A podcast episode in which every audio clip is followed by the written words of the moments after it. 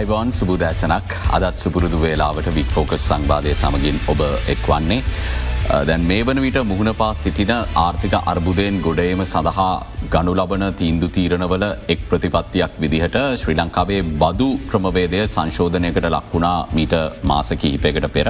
යනු දෙදහස් විසිතුනේ අයවැෑ යෝජනාවලියත් එක්ක දේශය ආදෑම් පනතට ඇතුළත් කරපු ඇතැම් සංශෝධනත් සමඟ uh, නව බදු ප්‍රතිපත්තිය මේ වෙද්දි ක්‍රියාත්මක වෙන්නට පටන් අරන්තියෙන. නව බදු ප්‍රතිපත්තිය හරහා uh, ආණ්ඩු අපේක්ෂා කරනවා දෙදස් විසිතුන වර්ෂයේදී බිලියන තුන්දා සාර්සිය පහළවක ආදායමක් උපයාගන්න. එ අනුව මේ ආදායම් මිලක්කවලට යන්න නම් මේ බදු ප්‍රතිපත්තිය මෙලෙසම ක්‍රියාත්මක විය යුතු බව තමයි ආණ්ඩුවේ ස්ථාවරය බවට පත් වෙලා තියෙන්. නමුත් ඔබ දන්න මේ වෙද්දි මේ ආදායම් බදු ප්‍රතිපත්තියට එරෙහිව විශාල විරෝධතා එන්නට පටන් අරන්තියනවා වීදි සටන් ආරම්භ වෙලා තියෙන ෘතිකයින්ගේ උද්ඝෝෂණ ආරම්භ වෙලා තියෙන වැඩවර්ශන ක්‍රියාමාර්ගවලට යාම සඳහා සාකච්ඡා තියෙනවා. ඉදිරියේදී ඒව ක්‍රියාත්ම කරන බව ඔවුන් ආණ්ඩුවට අනතුරු අංගවමින් තියෙනවා. මේ තත්ත්වය ගැන අපි සාකච්ඡා කළ යුතුයි කියලා අපි විශ්වාස කලා මේ බදු ප්‍රතිපත්තිය සාවද්‍ය නම් නිවැරදි විය යුතු තැන් මොනවාද? මේ සම්බන්ධෙන් ෘතිකයන්ගේ ආකල්පය සකස් විය යුත්තේ කොහොමද? මේ සියල්ල ගැන අපි කතා කරමවාද? ඒ සඳහ හැරයුම් කළේ කොළඹ විශ්වවිද්‍යාලය ආර්ථික විද්‍ය අධ්‍යනාංශයේ ජේෂ්ඨ මහාචාරය සිරිමල් අබේරත්න මහාචාරතුමාට අයිබවන් පිළගන්න. මුලින්ම දැන් ඔබතුමත් මේ බද්ධ ගෙවන කෙනෙක්. මුකද විශේෂම අපි දකින විශ්වවිද්‍යාල මහාචාරයවරුත් මේ බද්ධට දිරුද්ධත්වය පල කරමින් කරන සටනේ ඉදිරිපෙළ පෙරමුණේ සටන් කරන සාමාජිකෙන් පිරිසක් බවට පත්වෙලා තියෙනවා. ඔබතුමා ධරණ සාවරයම කක්ත මේ ගැන. දැම් මම කාර්භාරයන් දෙකක් මේ ආර්ථිකය තුළ ඉස්ට කරන්න වෙලා තියෙනවා මට. පලවෙනික තමයි මේ රටේ ඉන්න ආර්ථික අර්බුද්ධය මොකක්ද කියන එක පිළිබඳව පැහැදිලි අවබෝධයක් මට තියෙනවා. මගේ විශේෂේත්‍රය අනුවත් එක මට තියෙනවා කියල මම හිතනවා. ඒවගේම තමයි මම ප්‍රතිපත්ති සම්පාධනයේදී තියම් ඇම් තැන්වල මග මම සහභාගි වෙනම්. ඒ ඒ මොන ධාරිතාවෙන්ද කියලා අපි පැහදිලිකරොත් ඔබතුමට පුළුවන් ම එකක් තමයි ජනාධිපත්තුමා විසින් පත් කරන ලද ආර්ථිකය ගොඩනැගීමේ කමිටුවත් තියෙනවා ඒ කමිටිය මහිතන සාමාජිකයෝ දහ දෙනෙක් විතර ඉන්නවා මම එතන එක්කෙනෙක්. ඊළඟට මම මහබැංකුවෙත් තර ස්ටේකෝල්ඩ කමිටි කියන එකේ සභාපති වසයෙන් ක්‍රියා කරනවා. ඇති මේ ප්‍රධාන තැන් දෙකේම මම ඉන්න. එතකොට මට පැහදිලි අවබෝධකුත් තියෙන ආර්ථික අර්බුද්ධය ගැන මට එතුර පැහදිලි අවබෝධයක් තියෙනවා කියල මංහිතනවා මේ තියෙන දෙයින් ගොඩ එන්ඩ කළ ගත යුතු ක්‍රියාමාර්ගයන් පිළිබඳු. එතුර මට ඒ සම්බන්ධය කතා කරන්න සිද්ධ වෙනවා. දෙවනුව මම ඒවගේම තමයි තැන් හදහන් කරපු විදිහට විශ්වවිද්‍යාලාචාරයක් විදියට බදු ගෙවන රජයේ සේවකයෙක්. එනිසා මට ඒ අය හිතන පැත්තෙනොත් කතා කිරීමේ හැකියාව තියෙනවා. අනිවාරයම්. එනිසා මං මේ දෙපැත්තම ගැන සෑහෙන හොඳ තක්සේරුවක් කරලා ඒවගේම ලෝකයේ අනිත් රටවල්ලත් බදු ප්‍රතිපත්තිය ක්‍රියාත්මක වෙන්නේ කොහොමද කියන දේවල් පිළිබඳ අවබෝධයක් ඇතුව සමතුලිත විග්‍රහයක් කරලා ඒ වගේ මේකෙන් වැරදි තැන් හදාගෙන මේ ක්‍රම ඉදිරිට ගෙනාව පිළිබඳතුවයි මග දරන මගේ මතේ තියෙන්. හොඳයි දැන් අපි මේ පෙයි ටැක්ස එක එහෙම නැත්නම් පේ ඇසියන් කියන අපි සිංහලෙන් හඳුනද්දී උපයන විට ගෙවීමේ බද්ධ තමයි මේ වෙද්දි ප්‍රධානම සාකච්ඡාවට දක් වෙලා තියෙන බද්ධ බවට පත් වෙලා තියෙන්නේ. අපි ජනලේකන හා සංඛ්‍යාලයකන දෙපාර්තමේන්තුවේ දත්තවලට අනුව සාකච්ඡා කරද්දි. ලංකාවේ ශ්‍රම බලකායෙන් එක් ලක්ෂ විසිදහස් නමසය විසි පහක් පමණයි මේ සඳහා ඒ බදු ගෙවන්නට සිදුවෙන පිරිස අතරට වැටෙන්නේ. විශේෂෙන්ම අපි තවදුරටත් ප්‍රතිශතවලට යද්දී ශ්‍රී ලංකාව ශ්‍රම බලකායෙන් මේ දත්තවලට අනුව මහචරතුමනි සියට හතලිස්සටක්ම රුපියල් තිස්දහසට අඩුවෙන් තමයි වේතන ලබන්නේ. ඉතිරි පනස් දෙක ගත්තත් මේ ලක්ෂය සහ එක් ලක්ෂ පනස් දහස්ස අතර සීමාවේ ඉන්නේ සියට එකයි දශම තුනයි. ඊට පස්සේ එක් ලක්ෂ පනස් දහසත් දෙදහස් අතර සීමාවේ ඉන්නේ රාජ්‍ය පෞද්ගලික අර්ධරාජ මේ ඔක්කොම ගත්තර පස්සේ සියට බින්දුවය දශම හයයි. ඊට පස්සේ ලක්ෂ දෙකත් දෙලක්ෂ පනස් දහසත් අතර සීමාවෙන්නේ සියට බිඳුව දශම හතරයි. ලක්ෂ තුනට වැඩිය පඩිගන්නා ඉන්නේ සියට බිඳුවය දශම දෙකයි. ඒ අනුව ලක්ෂ තුනට වැඩිය පඩිගන්න අයගේ සම්පූර්ණ සංඛ්‍යාව අපි කිව්වොත් එකොලොස් දහස් එකසිය හතලිස් දෙකයි කියල තමයි මේ දත්තවලට අනුව දැක්වෙන්න. යනුව රටේ ශ්‍රම බලකායෙන් බොහොම සුළු පිරිසකට තමයි මේ පෙයි ටැක්ස එක අදාළ වෙන්නේ. නමුත් මේ ගැන සාකච්ඡාවට ලක්වෙද්‍ය අපි දකින්න මේක මුළු රටටම බලපාන ප්‍රශ්නයක් විදියට හඳුන්නා දෙෙන ඒවගේ මේ ෘතිකන්ගේ සටන්වලට සමාර වෙලාවට මේ පඩිය ගන්න නැති අය පවා යොදාගෙන සටන් කරන ආකාරය පේන්න තියෙන. මේක මේක තර්කානුකූල සටනකට වඩා දේශපාලනික සටනක් කියන කාරණය තමයි ආණ්ඩුව කියන්නේ. ඔබ කොමද මේක නිරීක්ෂණය කරන්න.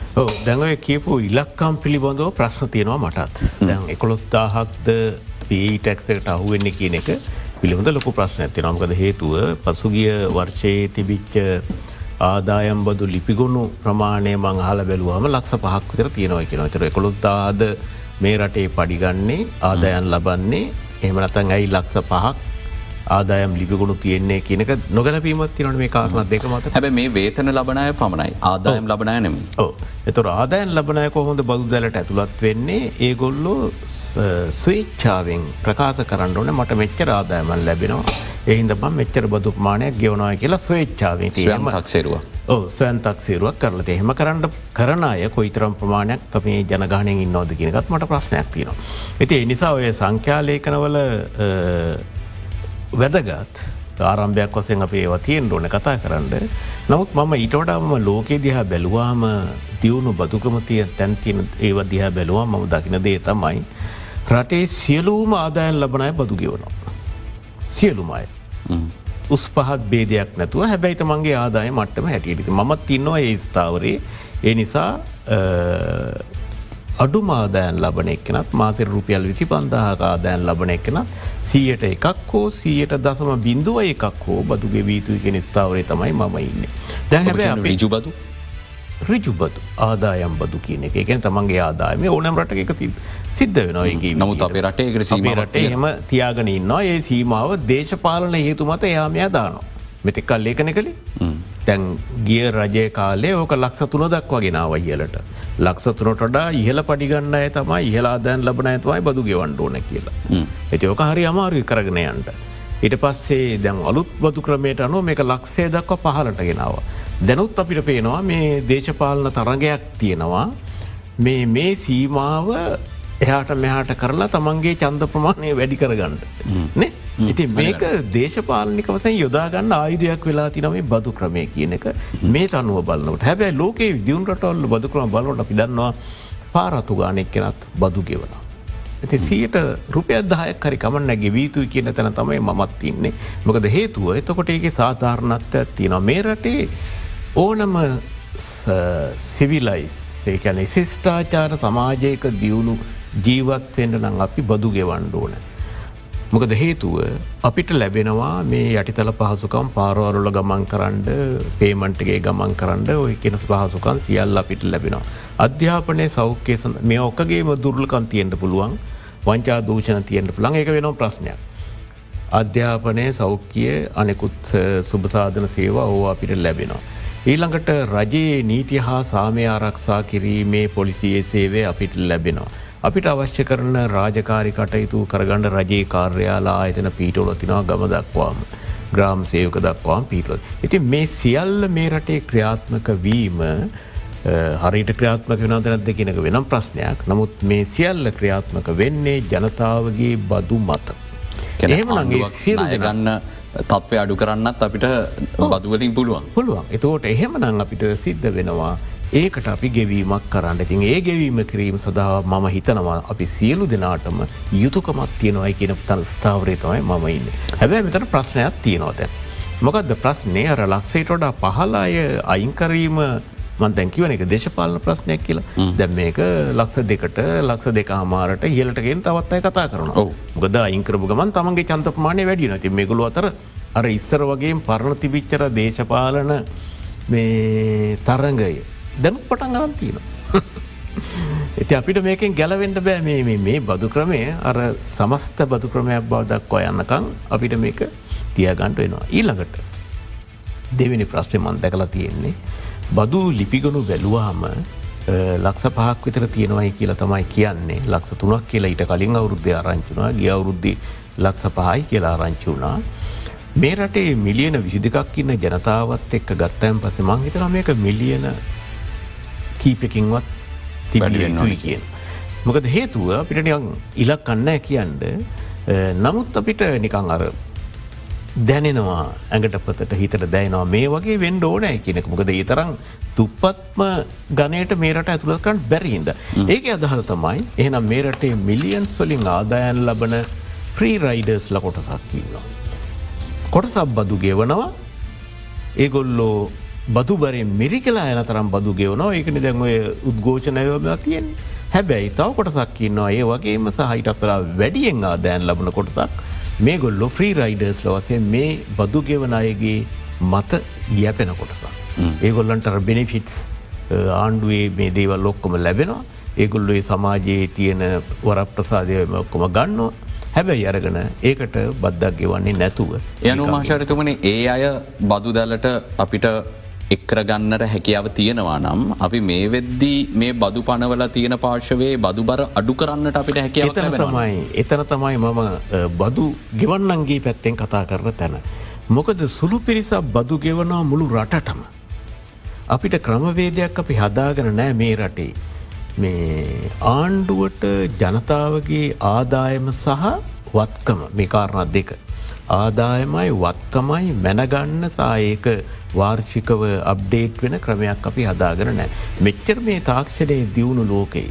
අනිතරටනු ඒක තියෙනවා ඉන්දියාවත් මේ ඒ ක්‍රියාමාර්ගගේ සෑහන ඉදිරියට ගිහිල්ල තියෙනවන්නේ. ඉන්දියාවර ආධාර කාඩ් කියල කාඩ් එකක් හැදවා ඉට පස්සේ එක ආධාර දෙන්න ඇදුවේ තව බදුගේ වන එක ඩිජිටලයිස් කරන්ඩ පෑන් කියලමට මතක විදිට ඒ කාඩ් එක නම හෙම එකක් හදලා තියෙනවා.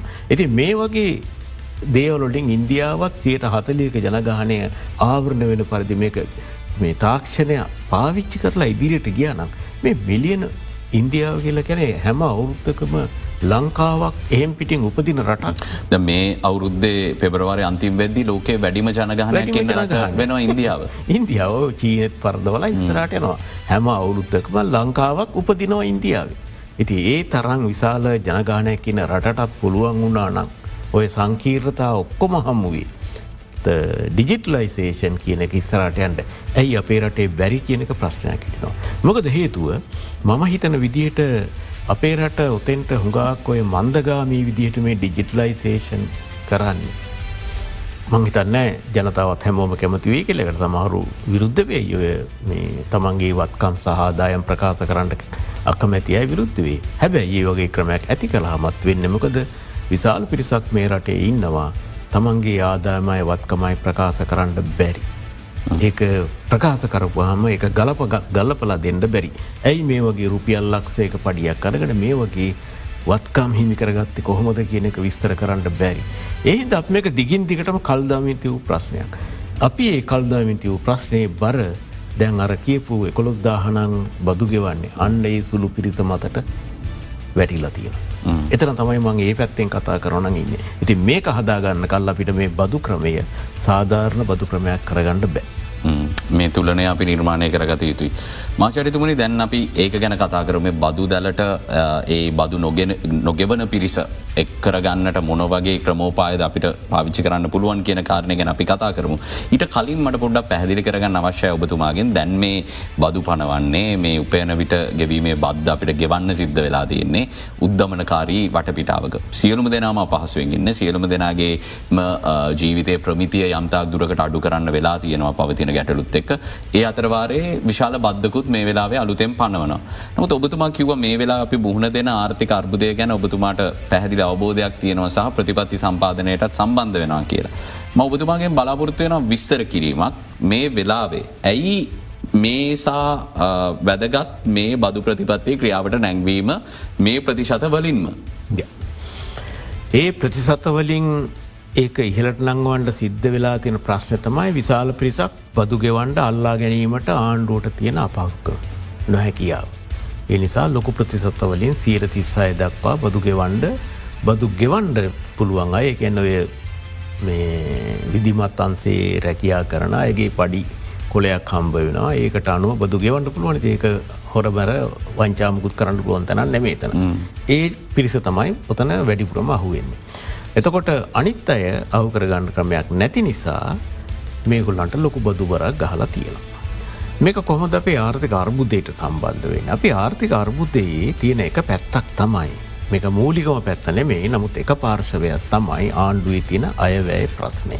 කාලයක් තිස්සේ අපි අයකිරීම බදු අයකරගනින් බදු ආදායම් වෙන්ඩෝන ආණ්ඩුවේ ආදායම මේක දේශපාලන කරණයට ලක්වෙලා මේක බොහම ලයිට් විදියට සරල විදිහට ඔය අප හිටපු නායකයොත් අරගෙන මේකත් එක්ක සෙල්ලං කරට ගත්තා. ඉතින් ඒ සෙල්ලං කිරීමේ අභාග්‍යයේ තමයි දිගින් දිගටම අපි දකින්නේ. වියදං වැඩි වෙනවා ආණ්ඩුවේ ආදාය අඩුවෙනවා මේ දෙක අතර පරතරය විශාලෝසයෙන්. ලංකායි මට මතක විදිට පසුගිය අවුරුද්දේ ආණ්ඩුවේ ආදායම බදු ආදායම සියයට හතයි දසම හතක් වගේ මට මතක ඉතින් මේක අපි අපේ අවට කලාපේ රටවල් දිහැ බැලුවාම සියයට විස්සක් වටේ තමයි තියෙන. එතොට සීට පහලවක් විස්සත් අතර ප්‍රමාණයකට අන්්ඩෝනෑ ආණ්ඩුවේ ආදායම දළදේශ නිෂ්පායිතයෙන් අපේ රටේ ඒකෙන් බාගටත් රාඩුලා තියෙනක එතොට ලොක ප්‍රශ්නයක් තියෙනවා මෙතන. එතකොට වියදම් පැත්තෙන් හැබැයි අපි කපන්ඩ කියන ඇති අදරත් එක මංදකෙන අනි ප්‍රශ්නය තමයි වියදම් පැත්තෙන් අපි කපලනෑ කොහෙවත්. අපේ ආදායම් පැත්ත තමයි මේ කතා කරන හැමතිශ කරන්න මේ රජය පැත්තෙන් ගත්තමත්. ඒකත් අපි කතා කළු ප්‍රශ්න යි වියදම කපන්න නැත්තේ කියලා. ඉතින් දැම් මේ විදියට බදු ආදායම අපි ඇස්තමේන්තු කරගෙන ඉන්නවා. ඒ ඇස්තමේන්තුව පිළිබඳවත් මට තියෙනවා යථාර්ථවාදීද කියන ප්‍රශ්නය. මේ විදියට හදාගෙන තාමත් අපිට තියෙනවා මට මතක විදියට අයවේ දැක්කන විදියට රුපියල් බිලියන දෙදා සාරසියක හිගයක්. රුපියල් බිලියන දෙදා සාරසය හතරයි. හාරසිය අතර හරිටම හරි. හිගයක් තිනොත් තාමත් දලදේශ නිෂ්පාතිතයෙන් සියට හතයි දශම නමයක හිගයක් තිය හිගයක් තිනවා ඒ කියන්න අපි තාමත් මේ අවුරුද්දෙත් ණය ගණ්ඩෝන අපි නයාරගෙන තමයි මේ ප්‍රශ්නයට වැටුනේ නමුත් අපි ඒකෙන් ගොඩ එන්ඩත් අපිතාව ණයගණ්ඩ සිද්ධ වෙලා තින මෙන්න මේ වගේ උබතෝ කෝටියක ඉන්න අවස්ථාවක තමයි මේ ප්‍රශ්නයෙන් ඉතින් ජනතාවගේ පැත්තෙන් බැලුවාම අපිට කියන්න තියෙන්නේ අර කබලෙන් ලිපට වැටනෝගේ දෙයක්. මොකද අපි රුපියල් ලක්ෂයක ආදායම් ලවපු කෙනෙක්ගේ ආදාය මේ මූර්ත වටනාකම් මේ වෙනකොට මංහිතන රුපියල් තිස් දහට විතර වගේ අඩු වෙලයි කියලා. මොකද සියට හැට හැත්තෑවකින් ඒ ආදාය මේත විජ වටනාකං අඩු වෙලා ගිහිල දැම්ම වෙනකොට. ඒ නිසා අපි කවුරුත් මේරටේ ජනතාවට අත්තින්දින්ද සිද්ධලා තින තත්ත්වය තමයි මේ උද්ධාමනය මිල වැඩිවීමේ අති විශාල. අධි උද්ධාමනයකට මුණ දීලා ඉන්න ජනතාවක් හැටියට මේ විදියට ජීවන මට්ටම් අඩු වෙලා තියෙනවා සියලුම් දෙනාගේ. ඊළඟට ප්‍රශ්න වෙන්නේ සියලුම් දෙනා අපි ආර්ථික විද්‍යාව හදාරණය දන්නවා මේ පර්මනන්ට් ඉන්කම් හයිපෝසිස් කියලා එකක් ස්ථාවර ආදායම් උපන්‍යාසය කළ එකෙන් අදහස් කරන්නේ එක එක අය තම තමන් ලබන ආදායම් මට්ටංගොල හැටියට තමන්ගේ ලයිෆ්ස්ටයිල් එක ජීවන රටාවල් හදාගෙන තියෙනවා. එතෝට ලක්ෂ තුනහතරක පඩියක් ගන්න කෙනෙකුත් ඒ සඳහා ගැලපෙන විදියට වාහන අයාරගෙන ගෙව නිවාසන අයාරගෙන පෞද්ගලිකන අයාරගෙන ඒ වගේම ඒ වගේ කණබොන දේවල් ගමන් බිමං වාහනය යන්නේ ඒ විදියට හදාගෙන තියෙනවා. ඇති මේ හදාගෙන තියෙන වගෙන් අඩු කරන්න කපන්ට කොටන්ට තැනක් නෑයගුල්ලන්ට. ඒගොල්ලගේ නිවාසනය වාහනය පෞද්ගලික පර්සනල් ලෝන් සොය ඔක්කොමගේ වන්ඩෝනෑ ලීසින් තිරුණන් ඒවගේ වණ්ඩෝන ඊළඟට ඒගුල්ලන්ගේ ලීසින් පොලිය තියල ගීල තියෙනවා. මේ හරිට හරි. ඊළඟට මේ ඔය විදුලි බිල ඒ තින බිල්ටි කොක්කොම් මාසටගේ වණ්ඩෝන ඔය සියල්ලම ගෙවල යුරුණාම එයාට සාමාන්‍ය මුදලක් ඉතුරු වෙනවා එයාගේ දෛනික ජීවත්වීම සඳහා. දැම් මේ දෛනික ජීවත්තයන්ට තින මුදලට තමයි මේ බද්ධ වැටෙන්. වැට්නහම් මොකද වෙන්නේ මේකත් මෙයාට කපන්ඩ තියෙන එකම තැන්න ඇඳුම් පැළඳුම් ගැනීම නවත්තන්ඩ වෙනවා පලවෙනික එතින රුතිහාගිල්ලා කෑම්බීම කපා දමන්ටෙනවා. ඒකැන මධ්‍යම පන්තියේ ඉන්න මිනිස්සු අද දුප්පත් වෙලාඉන්න. කන්නෙ බොන්නේ නෑ ඒ මට්ටමට වැටලයින්න. කාපු විදියට කන්න බොන්නේ නෑ කාපු විදියට කන්න බොන්නේ නෑ. මේ චිකන් මාලූ කිරි බිත්තර ගත්තනම් ඒවදැන් ගොඩක් අඩු වෙලා තියන්නේ කුල්ලගේ පවුල ඇදලි ඇති ඒ නිසා තමයි අපි කියනැර මේ කබලෙන් ලිපට වැටීමත් තමයි වෙන්නේ මේ දුප්පත්මයට මේක බලපෑමක් නෑ. අඩු මොකද ඒගොල්ලෝ මිල මට්ටමන් එගුලන්ට වැඩියම් බලපාන්නෙත් නෑ බද්ධ බලපාන්නෙත් නෑ. මාචට ඉහල මයට බලපාන්නෙත් නෑ ඔවු මේක වැඩියම් බලපානි මැද්‍යම පන්තිීට. මාචරිතුමනි ජනාධිපත්තුමා මේ ළඟදී ඔහු රටාමතා කරපු ප්‍රකාශයක කියන මේක සාමාන්‍ය බදු ප්‍රතිපත්තියක් නෙමෙයි මේක මුදවා ගැනීමේ මෙහිවුමක් කියලා. ඒ අනුව දැන් අපි ඒ වපසරියෙන් පසුබිම මේක දිහා බලද්දි. ඔබතුමම කියපු කාරණය ඉතාම පැහැදිලි අපේ බදු දැල තාම වැරදි ගණනාවක් තියන තැනකේ නිසා වන්දිගවන්න සිද්ධලා තියෙන සුඩු පිරිසකට. නමුත් තැන් අපි ජාත්‍යන්තර මූල්‍ය අරමුදල සමඟ සාකච්ඡාවකින්නවා හැකික්මනින් විස්තීරණ ණය පහසුකමත් ලබාගන්න. එතකොට අපි ඔවුන්ව සතුටු කළ යුතුයි මේ ණය තිරසාර මට්ටමකට ගෙන හැකි ආදායමක් අපි රට තුළින් උපයා ගන්නවා කියලා. තොට බදු දැල්ල නිවරදි කරමින් ඉන්න කාලය නැති නිසා මේ වර්තමාන ආණ්ඩුව තමන් දකිනායකෙන් බදුවරගෙන ජාත්‍යන්තර මූල්‍ය අර මුදලට පෙන්වල මෙන්න අපි මෙහෙම ආදායමක් උපයා ගත්ත කියලා. ඒ අනුව මේ හැකික්මනින් ජාත්‍යන්ත්‍ර මූල්‍ය අරමුදලේ සහ ලබා ගැනීම තැනකට මේ ගිල්ලන්න ඒකද මේ ජනාධපත්තුමා ගැන මේ මුදවා ගැනීම මෙහමක් කිය. එක ඇත්තක් තින පැහැදිලි ඇත්තක් තින මොකද මුල්්‍ය අරමුදල සඳහන් කරන දේවල්තම හැම මුල්්‍ය අරමුදල කියන්නේ නෑ. අයවැහිගේ අඩුකරගත යුතු කියනක තමයි ගොල්ලු කියන්නේ. අඩුකරගත යුත්තේ ආදායම් වැඩිකර ගැනීමෙන්ද වියදං අඩුකර ගැනීමෙන්ද කියනක අපිට ගලපා ගණ්ඩ නම්මශීලී මේ ඉඩකට තීල තියෙනවා. සහකාටද බදු ගහන්න? ඒ අපේ වැඩ ඒ අපේ වැඩක්.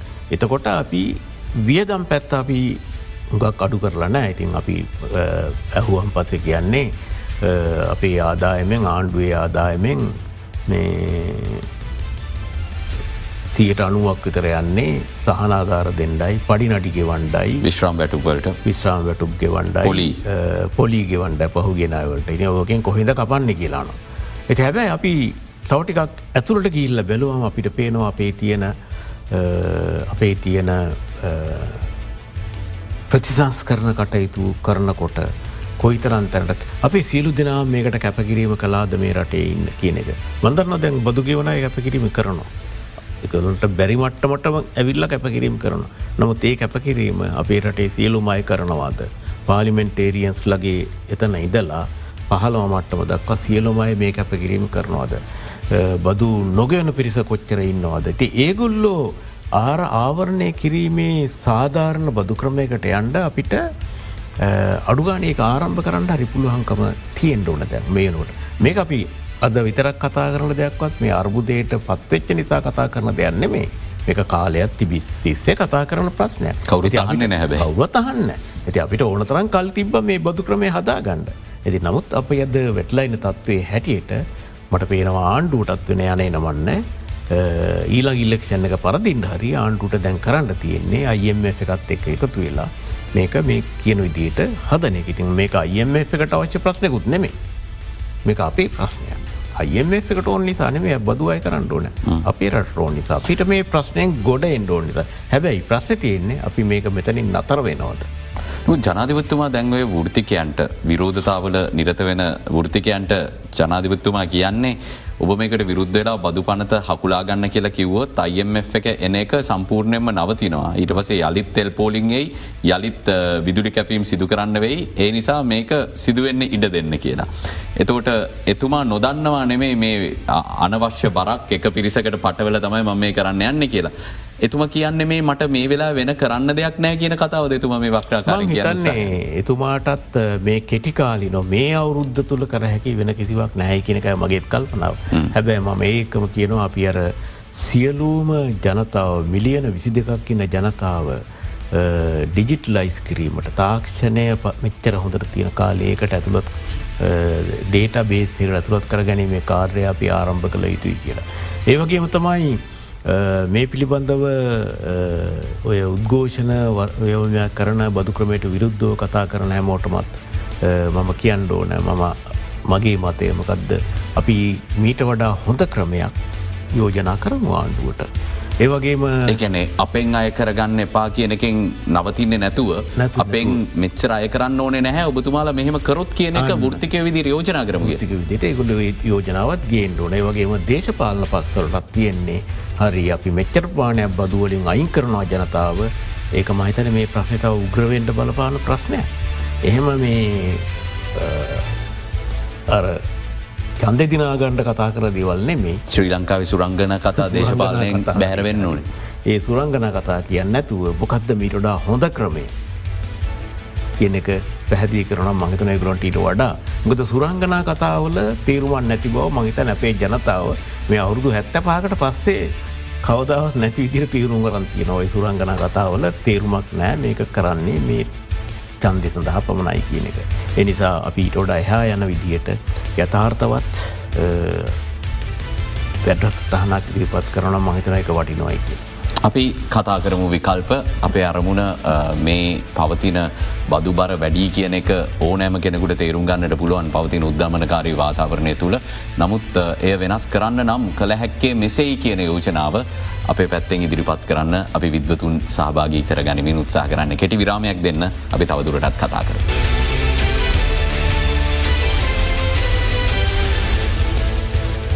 කොළඹ විශ්වවිද්‍යාලයේ ආර්ථික විද්‍යාධ්‍යනාංශයේ ජේෂ්ඨ මහාචාරය සිරිමල් අබේරත්ත මහත්මඇත්ත අපි සාකච්ඡා කරමින් සිරින්නේ මහාචාරයතුමනි දැන් අපේ රටේ ආර්ථිකයේ සියලුම පැති තියන්නේ අර්බුදයක. දැන් රාජ්‍යාදායම වියදම පැත්තෙන් අපිට විශාල අර්බුදයක් තියෙන අනිත් පැත්තෙන් ගත්තම ගෙවුම්ශේෂය ගත්තර බාහිර ගෙවුම්ශේෂය ගත්තර පස්සෙත් මේ වෙද්දි ණයගෙවන එක නවත්වලත් අපිට අර්බුදයක් තියෙන. විදේශ විනිමේ සංචිත සම්බන්ධයෙන් විශාල ප්‍රශ්නයක් තියෙන ආයජකයෝ කැඳවා ගැනීම සම්බන්ධයෙන් විශාල ප්‍රශ්නයක් තියෙන. මේ සියල්ලට විසදුමක් විදියට මේ වෙලාවේ අපිට ඉදිරිපත් කරන කාරණය තමයි ජාත්‍යන්ත්‍ර මූල්‍ය අර මුදලේ වැඩසටහනකට පූර්ණ අනුමැතිය ලැබිලා අපිට පලවෙනි නයවාරිකය ලැබුණට පස්සේ. ආයුචකයෝ කැඳවා ගන්න වෙනත් රටවල් වලින් අය ලබා ගන්න මේ විදිහට අපිට වෙළඳ පොල අලිත් විවෘත වේ කියලා. තොට ඒක කරගන්න නම් IMF එක අනුමැතිය ලැබෙන්න ඕනේ. එතකොට මේ වෙලාවේ මේ විදුලි බිල වැඩිවීම් බදු වැඩිවීම් මේ වියදම් කප්පාදුව නොවනාට ආදායම් පැත්තෙන් වැඩිකර ගැනීම සිදුවෙනවා. ඔබ හිතන්නේ මේ වෙලාවේ මේක දිහා බලන්න ඕනේ පුරවැසියන් විදියට ජාත්‍යන්තර මූල්‍ය අරමුදලේ සහය දෙන්න නම් අපි මේකට මේ වෙලාවේ අනුගත වනත් මේ දෙවල් නිවැරදි කරගන්න අපි දීර්ඝ කාලීන සටනකට යනවා කියලද. පැහැදිලිව අපි දීර්කාලි දෙහිකට යන්න ඕන